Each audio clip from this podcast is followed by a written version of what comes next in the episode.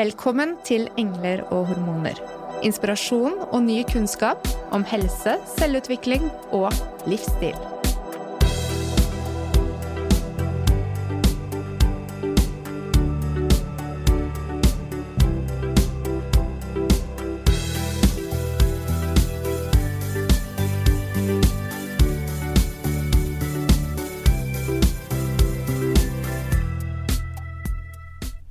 Temaet i dag er kropp og selvbilde. Og i forberedelsene til denne episoden så ble alt veldig personlig når vi ble tvunget til å reflektere over våre egne kroppsbilder. Hvordan vi selv egentlig aldri var fornøyd med kroppen vår i tidlig alder, og hvordan hodet vårt fortsatt forteller oss høylytt om de delene av kroppen vår vi ikke er fornøyd med. Tingen er, de aller, aller fleste har det slik. Selv om vi heier på helårskroppen, det naturlige og kroppspositivisme, så er det veldig ofte med en lettelse over at det presset blir tatt av det perfekte. I dag så skal vi utforske mentale prosesser rundt kroppsbildet med mentaltrener Anniken Binds. Og dette er ikke en episode om spiseforstyrrelser eller tilstander som krever medisinsk behandling. Dette er en episode om deg, og om oss, og alle de andre som du beundrer på avstand, men som kanskje har det på akkurat samme måte som deg. Hjertelig velkommen i studio, Anniken. Tusen takk.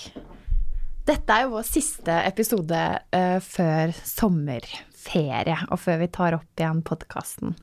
Og da er det egentlig et helt perfekt tema. Sommerkropp, helårskropp, uansett. Klærne de skal jo forhåpentligvis, så tør vi å ta de av og uh, ja, nyte sommeren. Mm. Så vi blir eksponert for mye kropp og en sånn ideal livsstil gjennom sosiale medier og ja, ting vi ser på egentlig hele tiden. Mm -hmm. Hvordan påvirker det oss, Anniken? Altså, hvis jeg skal referere til forskning, så er det en uheldig effekt eh, på oss. Det, det har de sett. Um, men det man ikke har da sett på, er uh, hvilke typer personligheter, personligheter det kanskje har en negativ effekt på. Um, så, og uh, hvilke typer personligheter det er som gjerne eksponerer seg mer enn andre. Så, men det vi vet, er at det har en uheldig effekt. Punktum. Mm. Mm. Men sammenligning og det å sammenligne oss selv og våre egne kropper med andre, det er vel ikke noe nytt? Det er ikke noe som har kommet med sosiale medier? Nei. Det, har, det, er noe vi har gjort i alle år. Det som er uh, annerledes nå, er jo at uh, spillerommet har jo utvidet seg så enormt, ikke sant. Du har plutselig hele verden inn på rommet ditt. Uh, og når det gjelder det å sammenligne oss, så er det noe vi mennesker kan takke våre forfedre for. Mm. Fordi vi stammer fra apene, vi har vært jegere og sankere som levde på savannen. Og da var det helt avgjørende at vi til enhver tid visste hva statusen vår var. Så når vi kom inn i en eller annen ny situasjon, så var det viktig at vi skannet omgivelsene for å finne ut av hvor står vi i forhold til de andre. For vi har ikke lyst til å legge oss ut med feil person som er sterkere enn oss. Det er jo ikke det beste for, for at artene skal overleve. Sånn at menneskene er laget sånn at vi hele tiden skanner alt rundt oss for å finne ut av er vi over eller under i status. Mm. Mm. Men uh, det vi sammenligner oss med nå, det er altså kanskje litt mer de filtrerte, redigerte høydepunktene av noens liv, og så sammenligner vi det med hverdagen vår. Absolutt. Det, du har et veldig godt poeng der. Fordi eh, det vi ser i sosiale medier er jo gjerne bare, som du sier, høydepunkter. Mm. Det er redigert. Mye er retusjert også, og det gir jo et veldig falskt bilde på hvordan andre lever. Og så ser du kanskje ikke resten heller. Man ser ikke resten. Mm. Det er mye som ligger bak. Du har jo forsket litt på det her selv, Anniken. På din egen Instagram-konto. Hva er det du får flest likes på? Jeg hadde en sånn lite forsøk her forrige uke, for jeg har jo sett en klar tendens. Det er jo en del av bildene jeg legger ut som er litt sånn yogabilder og litt forskjellige ting. Så, og jeg ser at de med en gang får masse flere likes. Så jeg la ut et bikinibilde. og det var jo I løpet av en time så hadde det jo mer enn dobbelt så mye likes som alle de andre bildene har. og det er jo Altså det er helt vilt å se på hvor fort det kommer en klikk på et sånt bilde. Og det gjelder liksom sånn lettkledde bilder i treningstøy, kanskje yogaklær og sånn.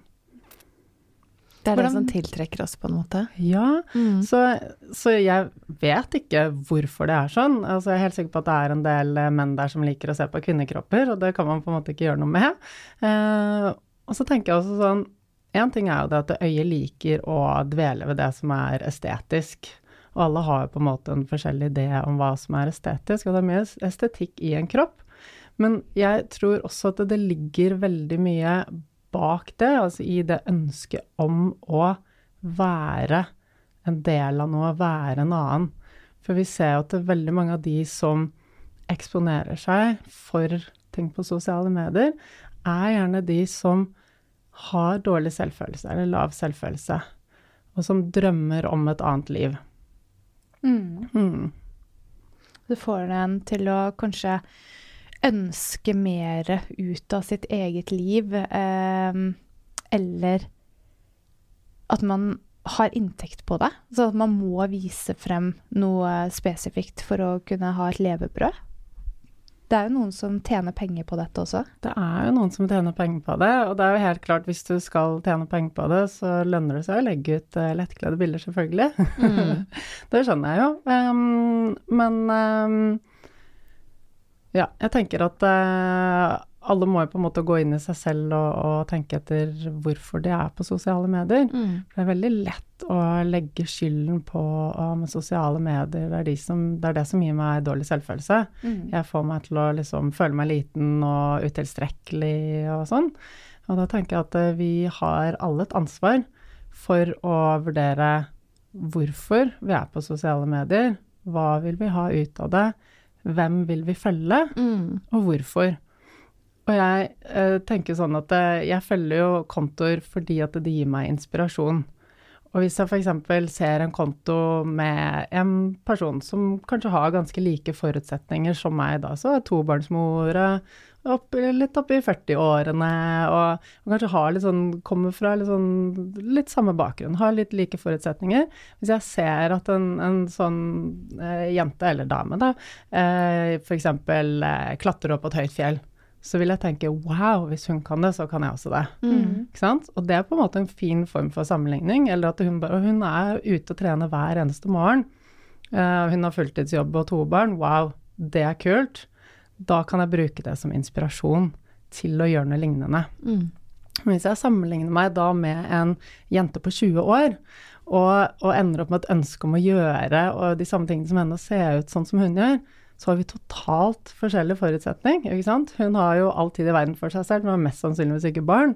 Eh, og man ser litt freshere ut når man er 20. Har ikke begynt å få alle disse smilerynkene, og ting henger ikke like mye. Altså det er veldig dårlig grunnlag for sammenligning hvis du har lyst til å ende opp med at du har en god følelse selv.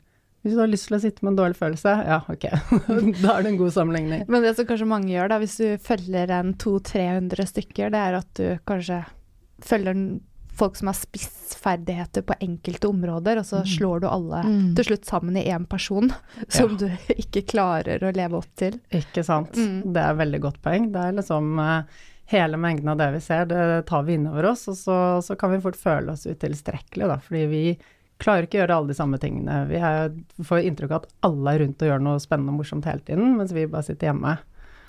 Og hvis du følte deg truffet av det, så anbefaler vi eh, episoden om essensialisme, Manneken, som du kan finne tilbake i biblioteket.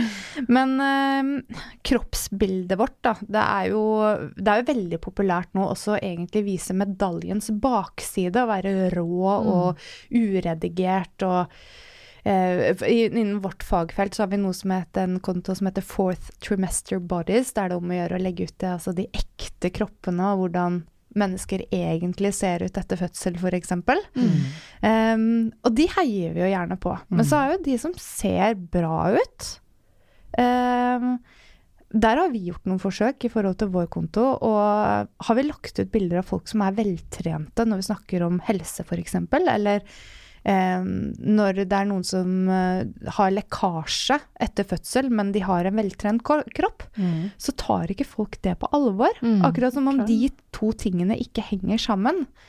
Eh, så den veien at folk ser bra ut, det Der er det vanskelig å få aksept for at det heller ikke er perfekt. Nei, ikke sant. Det er litt interessant. Mm Mhm. Men det kan vi skrive under på, vi som jobber i klinikk, at en god funksjon og å ha det bra, det henger ikke alltid sammen med Nei. å ha en perfekt kropp, Mm, hva nå enn det er. Og så ble jeg litt dratt tilbake, for vi hadde jo en liten telefonsamtale for et par dager siden, Mona. Og vi snakket om hva er det som egentlig skal til for at du føler deg bra. Fordi altså, man kan jo skrive under på det selv også. Noen ganger føler jeg meg kjempefin og kjempeflott. Andre ganger føler jeg meg ikke så fjong. um, og bare det å ha en truse som gnager, eller en litt for eh, trang eh, bluse, eller altså et eller annet sånt noe, hvor mye det kan ødelegge den selvfølelsen du har der og da. Ytre faktorer. Ytre faktorer. Mm. Mm. Eller uh, hvis du har spist deg litt overstappet og kjenner at det presser. Mm. Mm. Så det er jo selvfølelse på en måte, det også, men det er kanskje ikke det Nei. du mener med det mentale Nei. i dette. For da tenker jeg, hvis vi skal gå til dette med selvfølelse, så er jo det din verdi helt uavhengig av ytre faktorer. Mm. Mm. Det er den følelsen du har om deg selv, den verdien du ilegger deg selv i møte med andre mennesker. Helt uavhengig av hvordan det ser ut. Eh, og selvbildet det er ganske mye av det samme som det. Eh, det brukes mye om hverandre, men selvbildet er eh, det du vet og tror om deg selv. Litt mer som det, Selvbildet er litt mer forutsigbart. Det, er, det hjelper deg i møte med andre. Sant? Du vet hvem du er. Så når du snakker om Men, men det er klart at det, selvfølelsen vår det har jo noen bærebjelker, og i selvfølelsen så er det viktig med selvtillit, altså troen på mestring. Det er en viktig del av det. Eh, egenkjærlighet er en viktig del av det, og det å være raus med deg selv. Så alt dette er viktig for å bygge en god selvfølelse. Eh, og dette med å liksom kjenne på at åh, nå har jeg en dårlig dag. Her presser det, magen henger utenfor buksen, eller bare at jeg ikke har vasket hår i dag, eller den klærne her satt bare Altså man kan føle seg veldig uvel. Mm. Det er sånn som alle kan oppleve. Og det trikset for å, for å overkomme det, er jo det å, å jobbe med, med å styrke selvfølelsen. Så jeg skal dele en del verktøy på det, men akkurat der og da så handler det om hva du sier til deg selv, Mm. og hvor fokuset ditt ligger. Og da må du ta et valg. Hvordan vil du ha det i livet ditt? Har du lyst til å ha det bra? For dette handler jo om livskvalitet. Det handler ikke om kiloene, det handler ikke om åssen vi ser ut, det handler om hvordan vi har det Mm. følelsesmessig. Og det påvirker alt her i livet. Så må du ta et valg. Hvordan vil du ha det? Du står i situasjonen, kjenner på magen som bare legger seg utenpå buksen, og så dukker det tanken opp i hodet ditt. Ah, ikke sant? Dette er kjipt. Og så Mm. skal du inn i et møte, du skal treffe noen og tenker at det liksom kommer til å ødelegge hele dagen, og går kanskje inn i det møtet, og så er det eneste du tenker på, er liksom den derre magen som henger utenfor buksen. Mm. Uh, og det tror jeg veldig mange kan kjenne seg igjen i. Men det som er da, når den tanken dukker opp, så er det opp til deg å ta et valg. Vil jeg ha det bra, eller vil jeg ha det kjipt? Mm. Hvis, hvis du velger å ha det kjipt, ok, da kan du fortsette å dyrke den tanken. Hvis du velger jeg vil ha det bra, så er det greit å vri fokuset om til noe mer ressursfylt. Og her har vi jo delt mye teknikker på det å jobbe med indre dialog i episode 19. Så, så jeg kommer ikke til å gå så dypt inn i det, for det ligger alle verktøyene der. Vi delte det også på Instagram.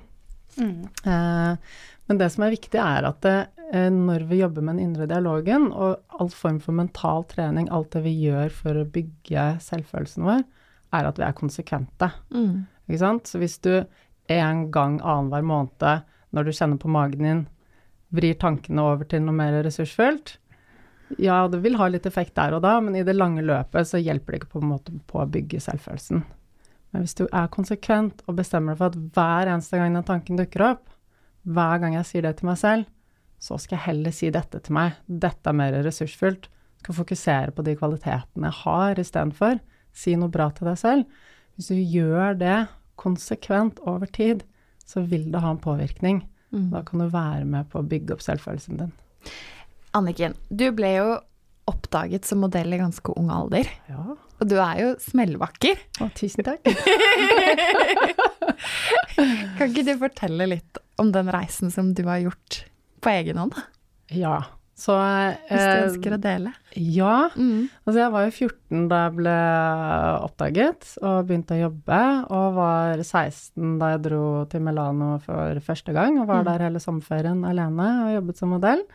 Og jeg var en veldig sterk og bevisst person og hadde liksom verdiene mine, og det var ikke noe tull, og liksom Skole var viktig og, og alle sånne ting, men likevel så er det Er man altså som tenåring, så er man i en fase av livet hvor det skjer utrolig mange endringer i hjernen.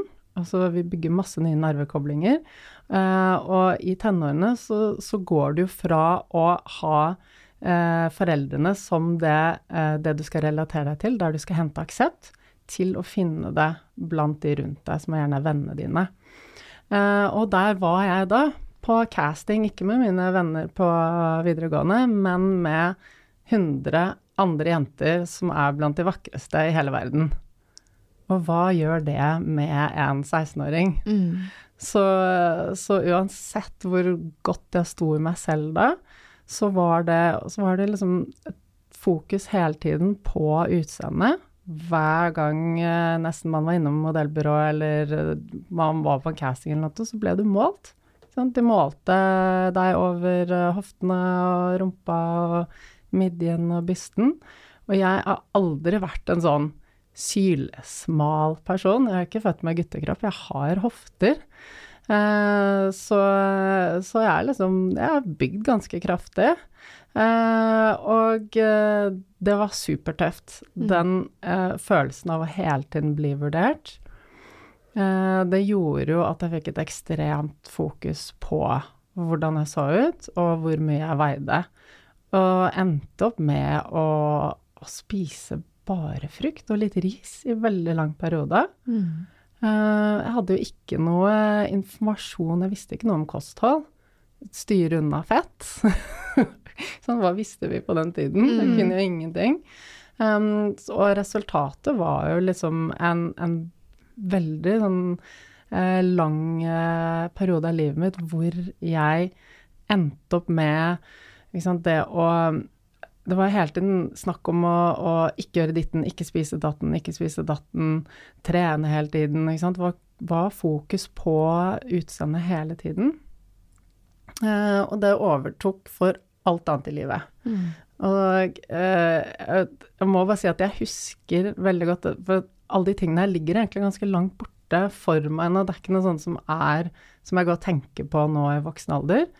Eh, men det dukker opp, og det dukker spesielt opp når jeg sitter med kunder som er eh, på min alder og sliter med de samme tingene Mm. som jeg gjorde da jeg var tenåring. Og når vi er tenåring, som sagt, så skjer det store endringer med oss, men det er veldig mange av oss som på en måte finner oss selv når vi nærmer oss 40 og blir gift og får barn og liksom blir veldig komfortable i oss selv. Så ser vi også at det er økende grad av voksne kvinner som sliter med selvfølelsen sin, og som har spiseproblemer. Så, og det er jo bakgrunnen for at jeg ønsket å gjøre denne episoden her, for jeg syns det er utrolig leit og utrolig unødvendig. Mm. Fordi det går an å gjøre noe med det. Mm. Mm.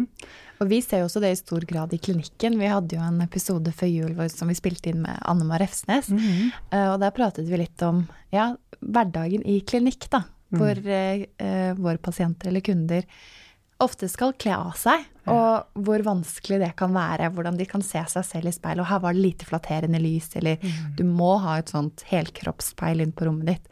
Fordi at man vegrer seg og skjule Altså ønsker å skjule seg litt mer, da. Mm. Um, ja. Blant godt voksne. Mm. Både menn og kvinner. Ja, det er det, altså. Og det er jo Altså, jeg syns det er utrolig trist, og det er liksom bakgrunnen for at jeg virkelig ønsket å, å nå ut med det budskapet i denne episoden her. For det er så mye vi kan gjøre, bare vi bestemmer oss for det, og, og vi er konsekvente. Um, og som jeg sier, så handler det om livskvalitet. Og jeg husker dukket opp en episode i hodet mitt nå. og Jeg husker at jeg var 19 år, og jeg sa til en fyr Jeg sa liksom jeg skulle ønske at jeg var barn. Han bare Hæ, hva er det du mener med det? Nei, for da hadde jeg ikke hatt noen bekymringer. Mm. Og han bare skjønte jo ikke hva jeg mente på det. Men eh, som 19-åring, altså da var det altså, Hodet mitt da var jo bare helt skrudd.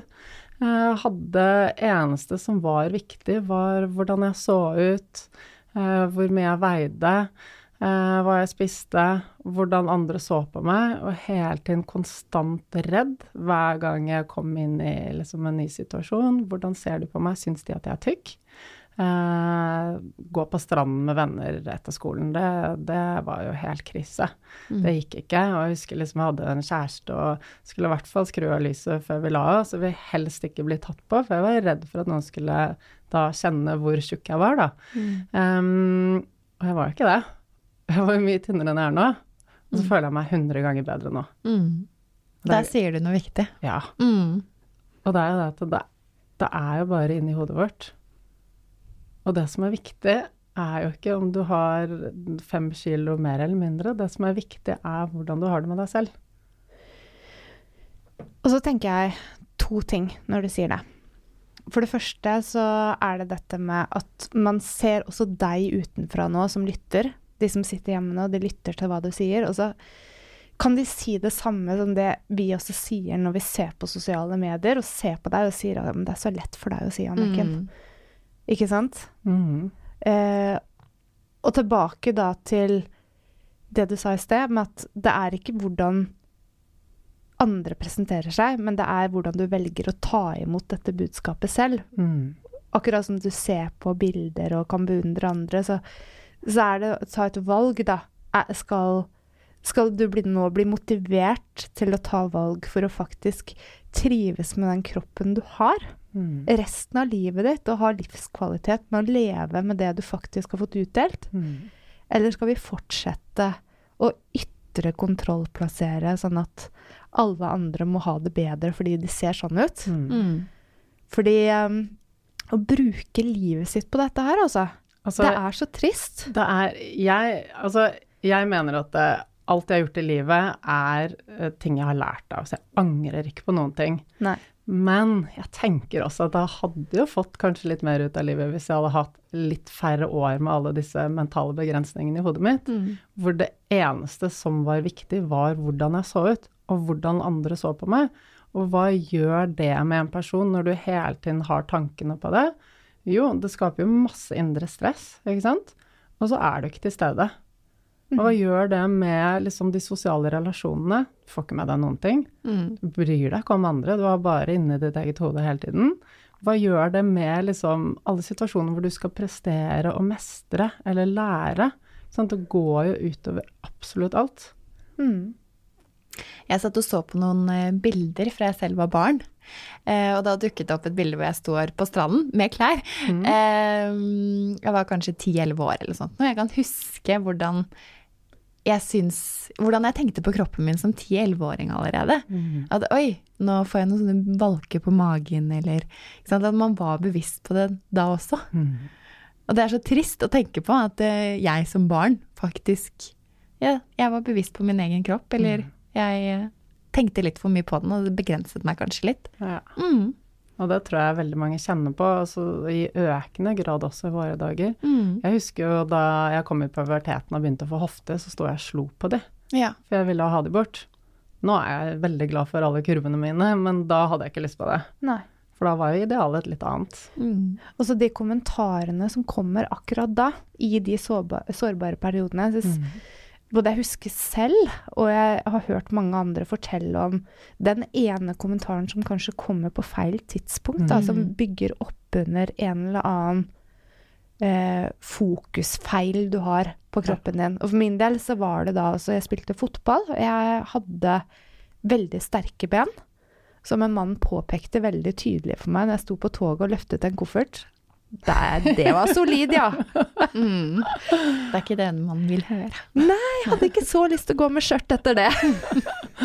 Men det er jo sånn, vi ser jo at det er veldig mange som ender opp med alvorlige spiseforstyrrelser, Mm. hvor det egentlig bare har vært en sånn kommentar som har vært utslagsgivende. For i, spesielt da i tenårene så er vi så utrolig sårbare. Mm. Mm. Det er viktig å tenke på for alle. Så den gangen da, da, der vi eh, var unge og vakre, dere jenter, men Ja. ikke skjønte det selv Nei, ikke sant? Da skal vi ikke gå i fella og bli like opptatt av å ikke bli gamle, da, kanskje. Nei. Men det, altså, det er sant, sånn som du sier. For jeg, er liksom, jeg husker jo så godt hvordan jeg egentlig hadde lyst til å skjule kroppen min. Og så, jeg jobbet jo som modell, jeg måtte gjøre liksom bikini, eh, gå med bikini på catwalken eller gjøre undertøys-photoshoots og sånn. Og helt grusomt. Jeg gjemte de bildene langt bort, og jeg så bare feilene mine hele veien. Eh, og jeg husker jo hvor grusom jeg følte meg. Og når jeg ser tilbake nå, så er det bare sånn herregud. Hva var det du tenkte på? Ja. Så derfor er jeg da nå, da jeg rundet 40 for to år siden, så var jeg sånn, vet du hva.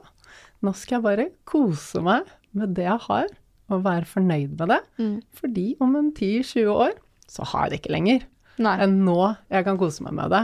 Og heller bare heie frem det som jeg trives med, Mhm. og det som jeg ikke er like liksom, happy med. So what? Jeg får ikke gjort noe med det. Så når det har gått 10-20 år da, Anniken, så håper jeg du har fått opparbeidet deg noen gode nervebaner. så at du fortsatt er fornøyd. Hvordan kan vi trene oss opp selv, da, for å forbedre dette? Ja, altså det er jo eh, Det er mye vi kan gjøre. Eh, og, eh, og jeg var inne på dette med indre dialog, som er det viktigste verktøyet. Og så Steg én er jo å bli litt bevisst. Altså hva, hva tenker du om din egen selvfølelse? Og det er jo Det er ikke sikkert vi er så klar over eh, hvordan vi står i forhold til selvfølelse, fordi mange kan lett forveksle selvfølelse med selvtillit. Jeg syns det er vanskelig. jeg. Jeg skjønner, Selv om vi snakket om det i stad, så vet jeg egentlig ikke hva selvfølelse er. Nei, ikke sant. Fordi at, men det er jo sånn at det, eh, selvtilliten henger sammen med selvfølelsen. Det er på en måte en bærebjelke i selvfølelsen. Men selvtilliten er troen på at du kan mestre i en gitt situasjon. Det er ferdighetene dine. Altså, jeg har god selvtillit som mentaltrener, men som sjakkspiller ville jeg hatt veldig dårlig selvtillit. Ikke sant? Ja. Eh, Så alle har vi arenaer vi er, har god selvtillit på de tingene vi er gode. Mm. Og andre arenaer hvor vi helt klart vil ha dårlig selvtillit, for det er ting vi ikke kan eller er nye på eller sånt noe.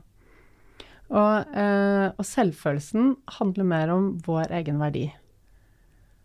Hvor glad vi er i oss selv, hvor raus vi er med oss selv. Og selvtilliten er jo en del av dette, så det påvirker hverandre positivt. Eller negativt. Eller negativt. Alt ettersom. Mm. Og, eh, og selvfølelsen er jo knyttet til, til språket, så, eh, så vi ser den at den utvikler seg i tilknytning til barnets språk. Og vi utvikler selvfølelse gjennom relasjonene. Så det er mye vi kan gjøre som foreldre med barna våre. Eh, og det å være til stede og lytte. Eh, og det å ikke bruke ordet 'så fin du er', ikke sant? Eh, det å heller fokusere på andre kvaliteter, Mm. det eh, er eh, veldig viktig i forhold til det å få barna til å skjønne at det er andre ting enn det ytre som er viktig. Mm. Og der kjenner jeg at jeg må gå i meg selv noen ganger, for det er så lett å si til datteren min når hun har pyntet seg, 'Å, så fin du er'. Ikke sant? Mm. Oh yes. Ja. Særlig når du ser de har gjort en liten innsats. Ja. Så jeg mener, man, man kan på en måte ikke bli helt sånn uh, utelukke det helt. Men selvfølgelig liksom Det er greit å pynte seg og være fin en gang iblant, men det er ikke bare det vi skal fokusere på. Mm -hmm. uh, så, så det er mye vi kan gjøre i, i forhold til foreldre. Og så ser man også at de barna som vokser opp i hjem hvor det ikke fokuseres så mye på kropp, hvor de fokuserer på helt andre ting, eh, de er mye, eh, står mye mer rustet mot da kroppspress og, og sånne ting. Mm. Så det er liksom som foreldre, da, og, og viktig er å se barna. Og, eh, og hvis barna f.eks. gråter og er lei seg, og hvis vi sier nei, men du, det er ikke noe gråt for, mm. da har vi ikke anerkjent følelsene til barna. Så det er på en måte vise barna at de har verdi for det de er. Det er viktig. Så mye av selvfølelse, det, det ligger jo genetikk i det. Personlighet, og det er mye som skjer i oppveksten. Men det er ikke dermed sagt at når du har blitt 20-30-40, så er selvfølelsen satt. Så ved å bruke mental trening, så kan vi bygge selvfølelsen vår. Åh, hvem er det som ikke har lyst til det? Men Bedre selvfølelse. Ja, det høres jo helt uh, utrolig attraktivt ut. Ja, men så er det jo sånn at det, når jeg jobber med mentale prosesser, så ser jeg at det, veldig ofte så er folk stuck et sted. Nummer én fordi at man ikke kan se noe annet alternativ, og det vet jeg hvordan det er, for jeg har jo vært der selv. Jeg har vært helt stuck i mitt eget hode. Eh, og det er jo min jobb å hjelpe folk til å, å kunne se ting på en annen måte. Og så er det også dette, ofte så er de mentale mønstrene vi har, det er litt sånn Noen ganger så har vi en fordel ved å ha det. Kanskje vi får medlidenhet, eller vi får oppmerksomhet, eller det blir en krykke som unnskylder at vi ikke kan gjøre noe, eller sånt, og da er det lett å bli stuck. Så selv om vi sier 'å, jeg vil ha god selvfølelse', så, så kan det godt hende at den barrieren er, liksom, er litt større. Og da tenker jeg at det er jo veldig fint å snakke med andre. Altså det å åpne seg opp og få hjelp. Det å, å dele følelsene sine. Og vi ser at det, det å vise sårbarhet er knyttet til lykke. Mm. Og det, eh, det kjenner jeg jo på selv. Jeg husker hvordan jeg gikk og bar på alle de tunge tankene mine. Og det var jo så synd på meg, og ingen kunne forstå hvordan jeg hadde det. og ingen andre hadde det sånn. Det var bare jeg som hadde det sånn. Yeah. og ble helt stuck. Det var det største problemet i verden, Det var, det, faktisk. det var ikke noe annet som var, uh, som var viktig. Men det er så morsomt, fordi uh, Brené Brown hun snakker om det med sårbarhet, og hun Mhm. bruker en uh, innledning på en setning der hun sier Den historien jeg forteller meg selv nå, det er Og så tenker jeg, hvis du hadde sagt fullt ut den historien du fortalte deg selv på den tiden Mm. Det er jo Ja. Mm. Men det var så stort i ditt hode at det Ja. Ja, det gikk ikke an. Nei. Og det var liksom Jeg kunne ikke fatte at noen andre kunne forstå det eller ha det på samme måten. Nei. Så, men, men det hjelper å dele, og det hjelper å snakke med noen, og det hjelper å få hjelp, Mm. rett og slett. Endre perspektivet. Ja. Fordi problemet som vi sitter med inni oss, er faktisk kanskje ikke potensielt så stort. Nei. Og det kan være at andre kan gi deg anerkjennelse på det og få deg til å føle deg bedre. Helt Mm. klart. Det er jo sånn at uh, vi mennesker kan endre oss. Vi har jo en plastisk hjerne, det vet vi jo, ikke sant? Så, så vi trenger bare ofte hjelp til å, å bare få snudd det, bli bevisste, og så handler det om å være konsekvent. Jeg tenker at uh, vi deler litt verktøy her nå, så tenker jeg at vi også legger ut det i sosiale medier enda flere tips, sånn at uh, alle lytterne kan gå inn der og prøve de. Mm. Eh, og det som jeg er litt opptatt av når vi går i gang med mental trening, er at, eh, at vi ikke gjør sånn som vi gjør eh, når vi setter i gang eh, med nyttårsforsetter og skal begynne å trene fem ganger i uken. Mhm. For det funker sjelden veldig lenge. Så eh, jeg er opptatt av at vi begynner på ett sted. Velg deg ut én ting som du vil begynne med. Vær konsekvent, konsekvent med det over en periode til du føler at ja, nå mestrer jeg det. Og så begynn med det neste. Og husk at dette er noe du skal gjøre resten av livet. Og vi vet jo at eh, vi mennesker sammenligner oss selv. Vi vet at misunnelse lett dukker opp. Vi vet at det mennesker det er viktig for alle mennesker å få aksept og føle tilhørighet. Når vi ikke får det, så frigjøres det stresshormoner. Det er utrolig behagelig, og dette henger sammen med det vi snakket om tidligere, om at arten skal overleve, du skal være del av samfunnet ditt. Da vi var jegere og sankere og bodde på savannen, så var vi helt avhengig av å ha aksept og tilhørighet i den sosiale gruppen. Hvis vi ble utstøtt, så overlevde vi ikke. Nei. Så da frigjøres det stresshormoner. Så ingen mennesker liker å bli avvist. Mm. Ingen mennesker liker kritikk.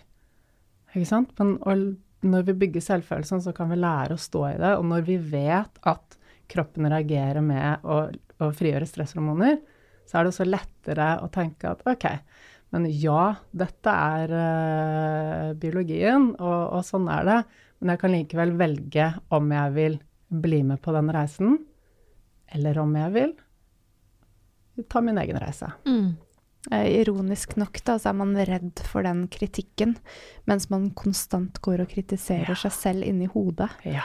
Og var det ikke det du sa en gang, Anniken, at eh, kroppen ikke skjønner forskjellen på det som faktisk skjer, og det som er tankene våre om hva Mm. som faktisk skjer? Så man går og påfører seg selv den samme skaden som Ja. man er redd for. Ja. Mm. Hele tiden. Og det skaper jo stress og ubehag og altså hele tilstanden din det blir jo så dårlig. Vi blir lei oss, og det stjeler energien vår, og det, det påvirker hvordan vi har det med andre. Eh, så ja, dette snakket vi veldig mye om i den episoden, så jeg anbefaler folk å gå inn og høre på den hvis det ikke har gjort ennå. Men ja, i hvert fall indre dialog, eh, hva vi sier til oss selv, og begynne å jobbe konsekvent med det. Altså legge merke til hva er det du sier til deg selv, eh, og hvordan får det deg til å føle deg. Mm. Hvilke begrensninger gir det deg, Mm. eller gir det deg noen fordeler? Ikke sant? Eh, og hva vil du si til deg selv istedenfor? Og da er det viktig at det du sier til deg selv istedenfor, er litt ressursfullt. At det er positivt. Og at du snakker om jeg, altså i presens, eller personlig, og at det er i presens, at det er her og nå. Jeg er Ja. Og så er det ikke sånn at vi skal stå i speilet. Hvis du, hvis du ser deg selv i speilet, så dukker den der samme tanken eh, opp med at eh, et eller annet du ikke liker på kroppen. Så er det ikke sånn at du skal tenke ja, men eh, eh, jeg eh, og, og, og si et eller annet som at jeg er jo like fin som eh, en eller annen sånn supermodell som du kanskje er veldig langt unna. Ikke sant? Vi skal jo ikke lyve til oss selv. Nei, men også sånn som meg, da, som hadde fotballegger, som jeg fikk gjøre. Å sitte, stå og se på seg selv i speilet og si Nei da, du har ikke fotballegger, du. Nei. Nei da. Det funker, det funker ikke. Nei, man må, Nei. altså, hvordan skal man gjøre det hvis man, Kropp Når jeg sier uh, 'din kropp, Ingvild', eller 'din kropp, Anniken' Når man tenker på sin egen kropp, så tenker man jo ofte først på det man er misfornøyd med, Ja. og ikke anerkjenner at man har en hel kropp. Og jo mer vi fokuserer på det vi er misfornøyd med, jo større blir det, og jo mer plass tar det. mm. Og det er helt klart. Man Eh, tenker jo ikke på de tingene som fungerer, liksom. Nei. Nei. Og, og det, er derfor, det er derfor vi må være konsekvente, og vi må gjøre dette her over tid. Og det er jo sånn at det, hvis du vil få sterke lår, Ja. eh, så nytter det ikke å dra på treningsstudio én gang i måneden og gjøre benkpress eller squats eller whatever. Nei. Vi gjør det jevnlig. Det er akkurat det samme med de mentale musklene. Det nytter ikke å gjøre det en gang i måneden. Så det må være konsekvent hver eneste gang. Og når du da står der med disse fotballeggene, Ja. hva annet er det du er stolt av?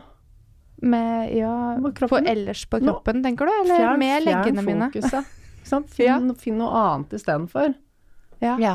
Ikke sant? Så hvis man er misfornøyd med det, så kan du si 'men jeg har så fine', eller 'jeg', eller Du, altså, du trenger ikke liksom eh, fokusere på akkurat den ene tingen. Du kan hente frem alle de andre tingene. Mm. Det er ikke sånn at det, vi skal late som om vi ikke har sterke legger. Ikke Nei. sant?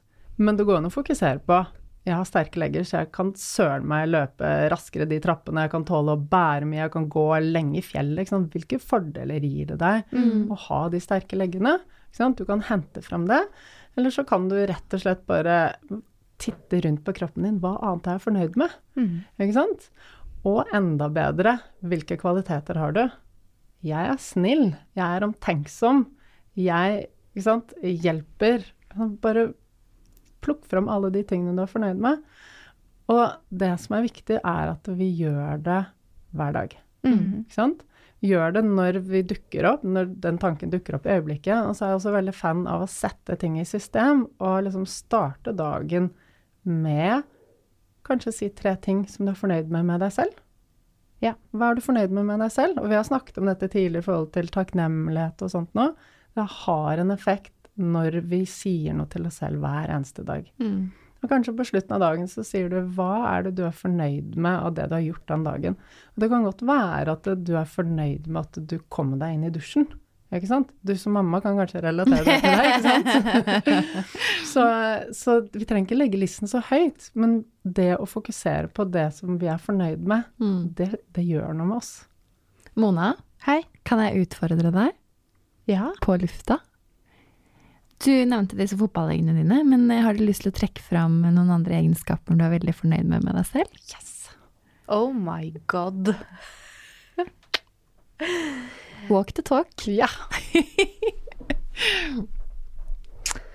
Jeg er veldig fornøyd med at jeg har funnet noen som deg, Ingvild, som alltid setter fingeren på noe som utfordrer meg Må ikke- konstant. Ja, men så bra. Ja. Men da må du For jeg er fornøyd med at jeg liker å utvikle meg. Ja, Ja. Altså, hva kan man si når man har barn? Man er bare utrolig stolt og fornøyd over hva kroppen har klart å gjennomføre med å bære frem barn og føde dem. Mm. Det er sant, Eh, altså. Det er eh, noe som eh, Som en erfaring som virkelig har gjort en rikere.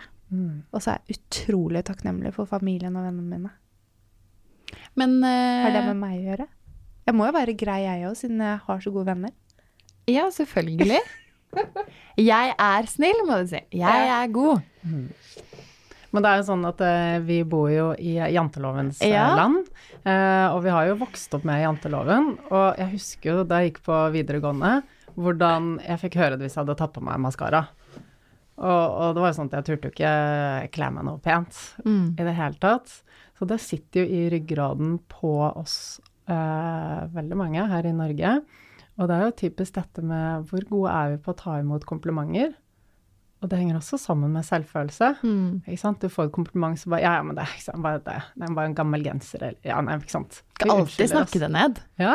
Ja. Så, så jeg, jeg har blitt veldig flink på å ta imot komplimenter. Og så liksom rette meg litt opp ryggen og bare takk. Mm. Istedenfor å komme med en sånn takk, men. så det, er- det er litt, veldig sånn fin ting vi kan gjøre for å, for å hjelpe oss litt på veien. Så du vil si at Mona ga et sånn typisk svar? Altså, det skal klippes bort uansett. Nei, absolutt ikke. Ja, det var en veldig bra ikke. utfordring, men uh, um, Det er utrolig bra sagt, Anniken, for jeg skulle til å komme på i sted eh, Jeg skulle til å si i sted at um, Herregud, nå ble jeg helt satt ut. Nå hopper jeg tilbake til det Anniken sa. Fordi at jeg svarte så dårlig. Så jeg ikke Du gjorde jo ikke det. Jo, uff a meg. Det var helt håpløst. Jeg, jeg skulle ha tenkt meg om. Um, Men hør her men, nå. Uh, ja. Bare perfeksjonisme. Ja. Det er en typisk ting som henger sammen med selvfølelsen. Det ønsket om å gjøre noe perfekt, og så måle selvfølelsen etter det, Mhm. det er noe vi kan jobbe med. Akseptere at ting ikke er perfekt alltid. Mona, du pleier selv å si at det er bedre gjort enn perfekt. ja. Mm. Det gjelder jo det jeg styrer selv, da. Ingrid. men, men det som du var inne på i stad, Anniken, det var det med at uh, du, du sa det om å ta imot et kompliment. Det syns jeg var så bra. Fordi jeg hadde tenkt på i forbindelse med dette at vi jobber med egen selvfølelse, er at vi kan også hjelpe andre ved å være flinke og anerkjenne det som er positivt, da. Fordi ofte så tenker man jo noe om mennesker når man møter de, eller når man ser hva de klarer å gjennomføre. Og så at man faktisk anerkjenner de for det, og sier det og forteller det. Men da er det et veldig viktig element i det at man klarer å ta imot et kompliment. Ja. Hvis ikke så, hvis ikke så ja. Eh, da har det ikke den effekten. Nei, altså det har jo det, men det er liksom Det er bare et, et eh, tegn da på, på hvordan det ligger an med selvfølelsen. Ja. Eh, og jeg tror jo at eh, janteloven ikke har liksom, hjulpet oss så veldig godt på vei, så det er jo på tide å, å virkelig rydde den av uh, veien og bare være happy med oss selv og feire oss selv. Mm. Kunne nyte det at vi ser fine ut en dag, at vi har pyntet oss, at det er greit. Vi trenger liksom ikke legge lokk på det som er bra. Nei. Det er utrolig viktig. I hele I hele denne prosessen Det høres jo så ja, smart og fornuftig ut å skulle endre tankesett. Men det krever jo litt Det krever- eh, krever litt fokus. Ja, det det. Og du nevnte tidligere, Anniken, eh, noe som har med visualisering å gjøre. Mm. At man rett og slett kan gå og jobbe litt systematisk med hvordan man føler seg. Mm. Eh, kan du dele med oss eh, sånn liten eksempel på hvordan du kan gjøre en visualisering? Mm. Eh, og kanskje du som lytter kan faktisk gå tilbake og så lytte til eh, denne igjen og igjen hvis du har lyst på et verktøy og jobbe med Mhm. deg selv. Det kan jeg, hvis vi har uh, fem minutter pluss til rådighet. Det tror jeg, vi, Ja. det tror jeg er smart bruk oss, av tiden. eh, Så bra. tar oss tid til det. Så det er jo sånn at um, når jeg jobber med kunder, så ser jeg jo an uh, hvem de er og hva de trenger. Det er jo ikke sånn at uh, one size fits all. Alle har forskjellige behov, og alle har forskjellig ståsted. Og jeg bruker jo masse forskjellige visualiseringer også. Så den jeg skal dele nå, det er ikke sikkert det er den perfekte for alle. Men det jeg vet, er at den er utrolig effektfull. Ja. Er dere klare? Vi Vi er er klare. veldig klare. Og den kan da brukes eh, gjerne over en lengre periode. Veldig fint å kanskje bruke den en sånn tre uker på hver dag. Og man bruker den i tre uker. Eh, og den uh, kan være fin å bruke som en liten boost, sånn rett før du kanskje skal gjøre noe som du trenger liksom bygge deg opp til, da, kanskje før du skal gjøre et jobbintervju eller et eller annet sånt noe. Så er den uh, utrolig fin. Og til dere to, og til lytterne, så, så kan det lønne seg å kanskje sette dere ned et sted hvor dere vet dere ikke blir forstyrret. Lukke øynene og bare være litt i deres eh, egen reise. Så sier jeg fra når vi er ferdig. Eh, og hvis du som lytter ikke har et sted hvor du kan være litt i roende, så kan du bare sette på pause og spille av igjen når du har funnet deg et sånt sted. Da setter vi oss godt til rette, vi, Anniken, og så gjør vi oss klar for å teste for første gang. Bra. Så håper vi dette kan bli en god vane som vi kan ta med oss inn i sommeren. Ja. Kjempefint. Så må jeg kjenne at dere sitter uh, godt plantet i stolen. Lukk gjerne øynene. Og bare tune inn med pusten deres, og kjenn at dere har ro der dere sitter eller står.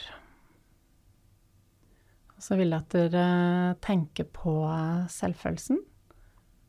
Selvfølelsen din. Hvis du tenker at eh, du skal sette et tall fra 1 til 100, og 100 er kjempehøy selvfølelse, og 1 er lav, bare merk deg hvor du vil plassere din egen selvfølelse. Og så vil jeg invitere deg til å forestille at du skal eh, ta imot en eh, journalist. Og denne journalisten skal skrive om alle de bra tingene du har gjort i livet ditt. Alt det du er stolt over. Så for å forberede deg til møte med denne journalisten, så setter du deg ved et bord, tar fram penn og papir, så begynner du å skrive. Lage liste over alle de tingene i livet ditt som du er stolt over. Det kan være noe du har gjort i dag, eller i går, eller for en uke siden, eller i fjor. Det kan være noe fra du var liten. Kanskje en fin tegning du viste til foreldrene dine.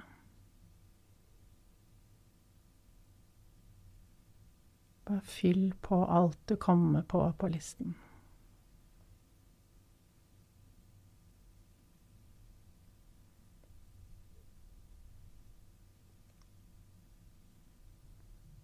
Og mens du sitter der og skriver på denne listen på bordet, så er det som om eh, det som er essensen av deg, reiser ut av deg og gjennom en glassvegg som deler det rommet du er i, i to.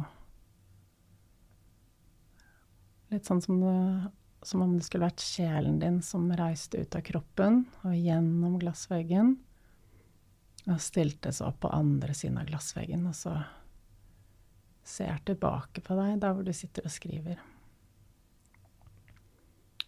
Og på den andre siden av glassveggen så står det også en person.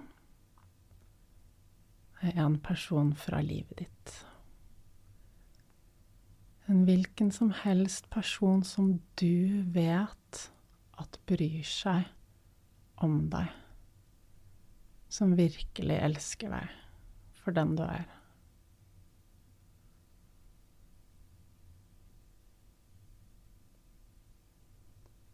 Og den personen står og ser på deg der du sitter og skriver ved bordet.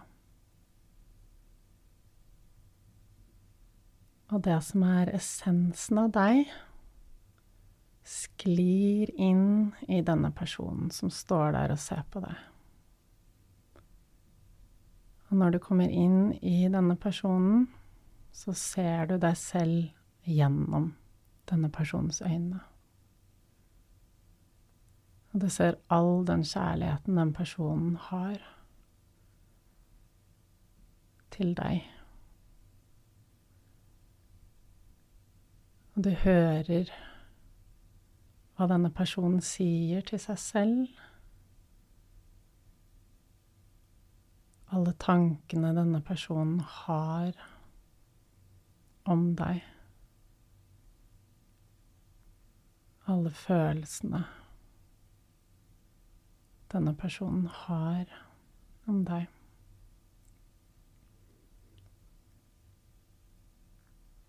Du kjenner virkelig hvor dypt disse følelsene stikker.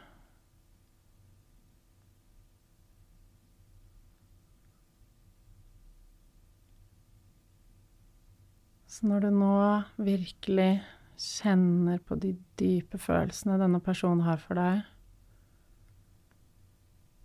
observerer tankene denne personen har om deg, og hvordan denne personen ser på deg, så tar du det med deg. Når du så sklir ut av den personen igjen, gjennom veggen og tilbake til deg der du er her og nå. Og har du med deg alle tankene om deg og synet på deg og alle følelsene om deg. Og de er en del av deg. Og det har du nå med deg videre for resten av tiden. Og legg merke til hvordan det endrer hvordan du ser på deg selv, og hva du føler om deg selv, og hva du sier til deg selv. Og legg merke til hvor du nå plasserer selvfølelsen din i den skalaen fra 1 til 100.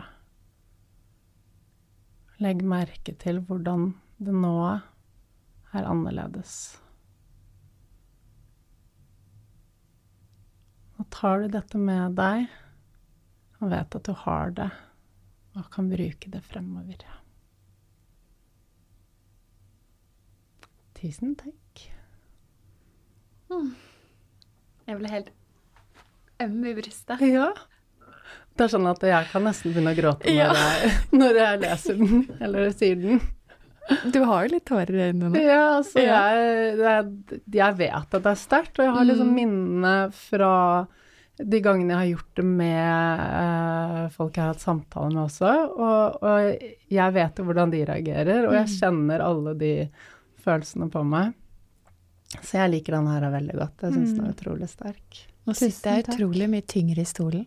Ja, så mm. bra. Å, tusen hjertelig takk, Anniken. Det er bare hyggelig. Og så er det som med all mental trening. Altså, altså bruk denne hjernen, og så hør på den hver morgen i tre uker fremover. Mm. Legg merke til hva som skjer. Bruk den når du trenger et lite ekstra boost.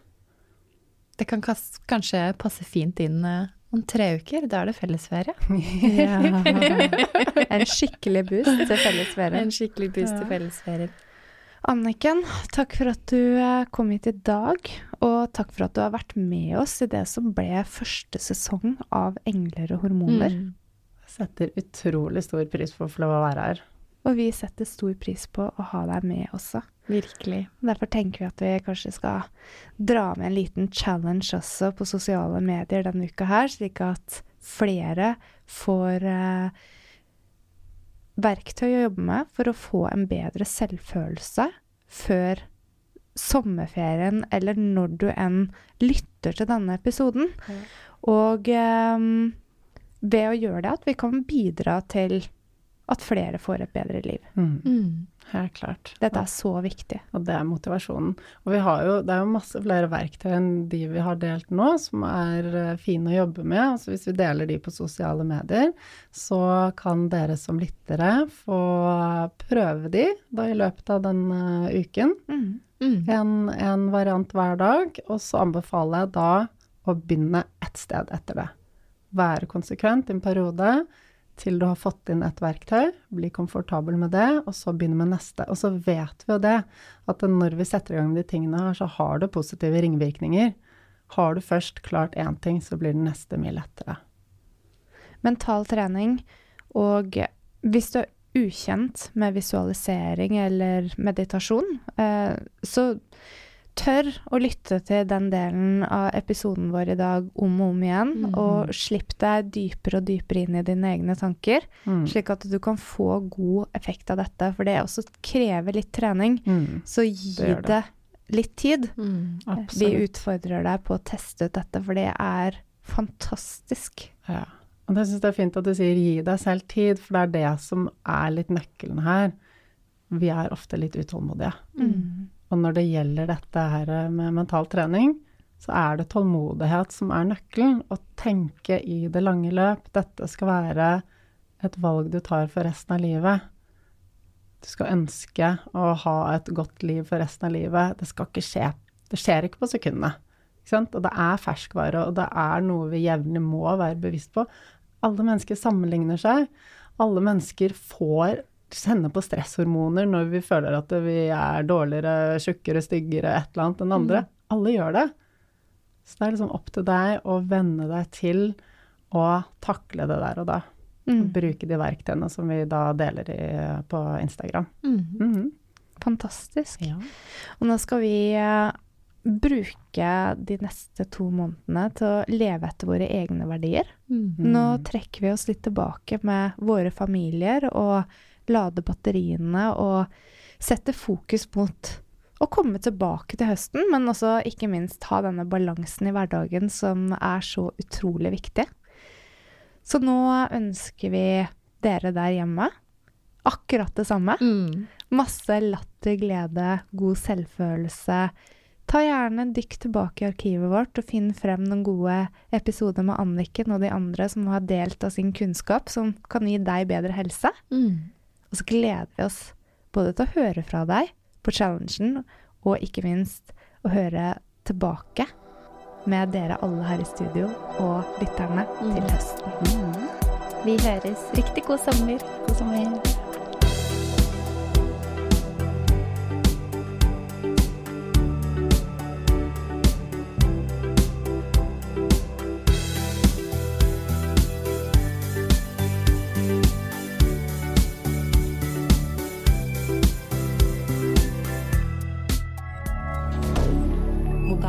dire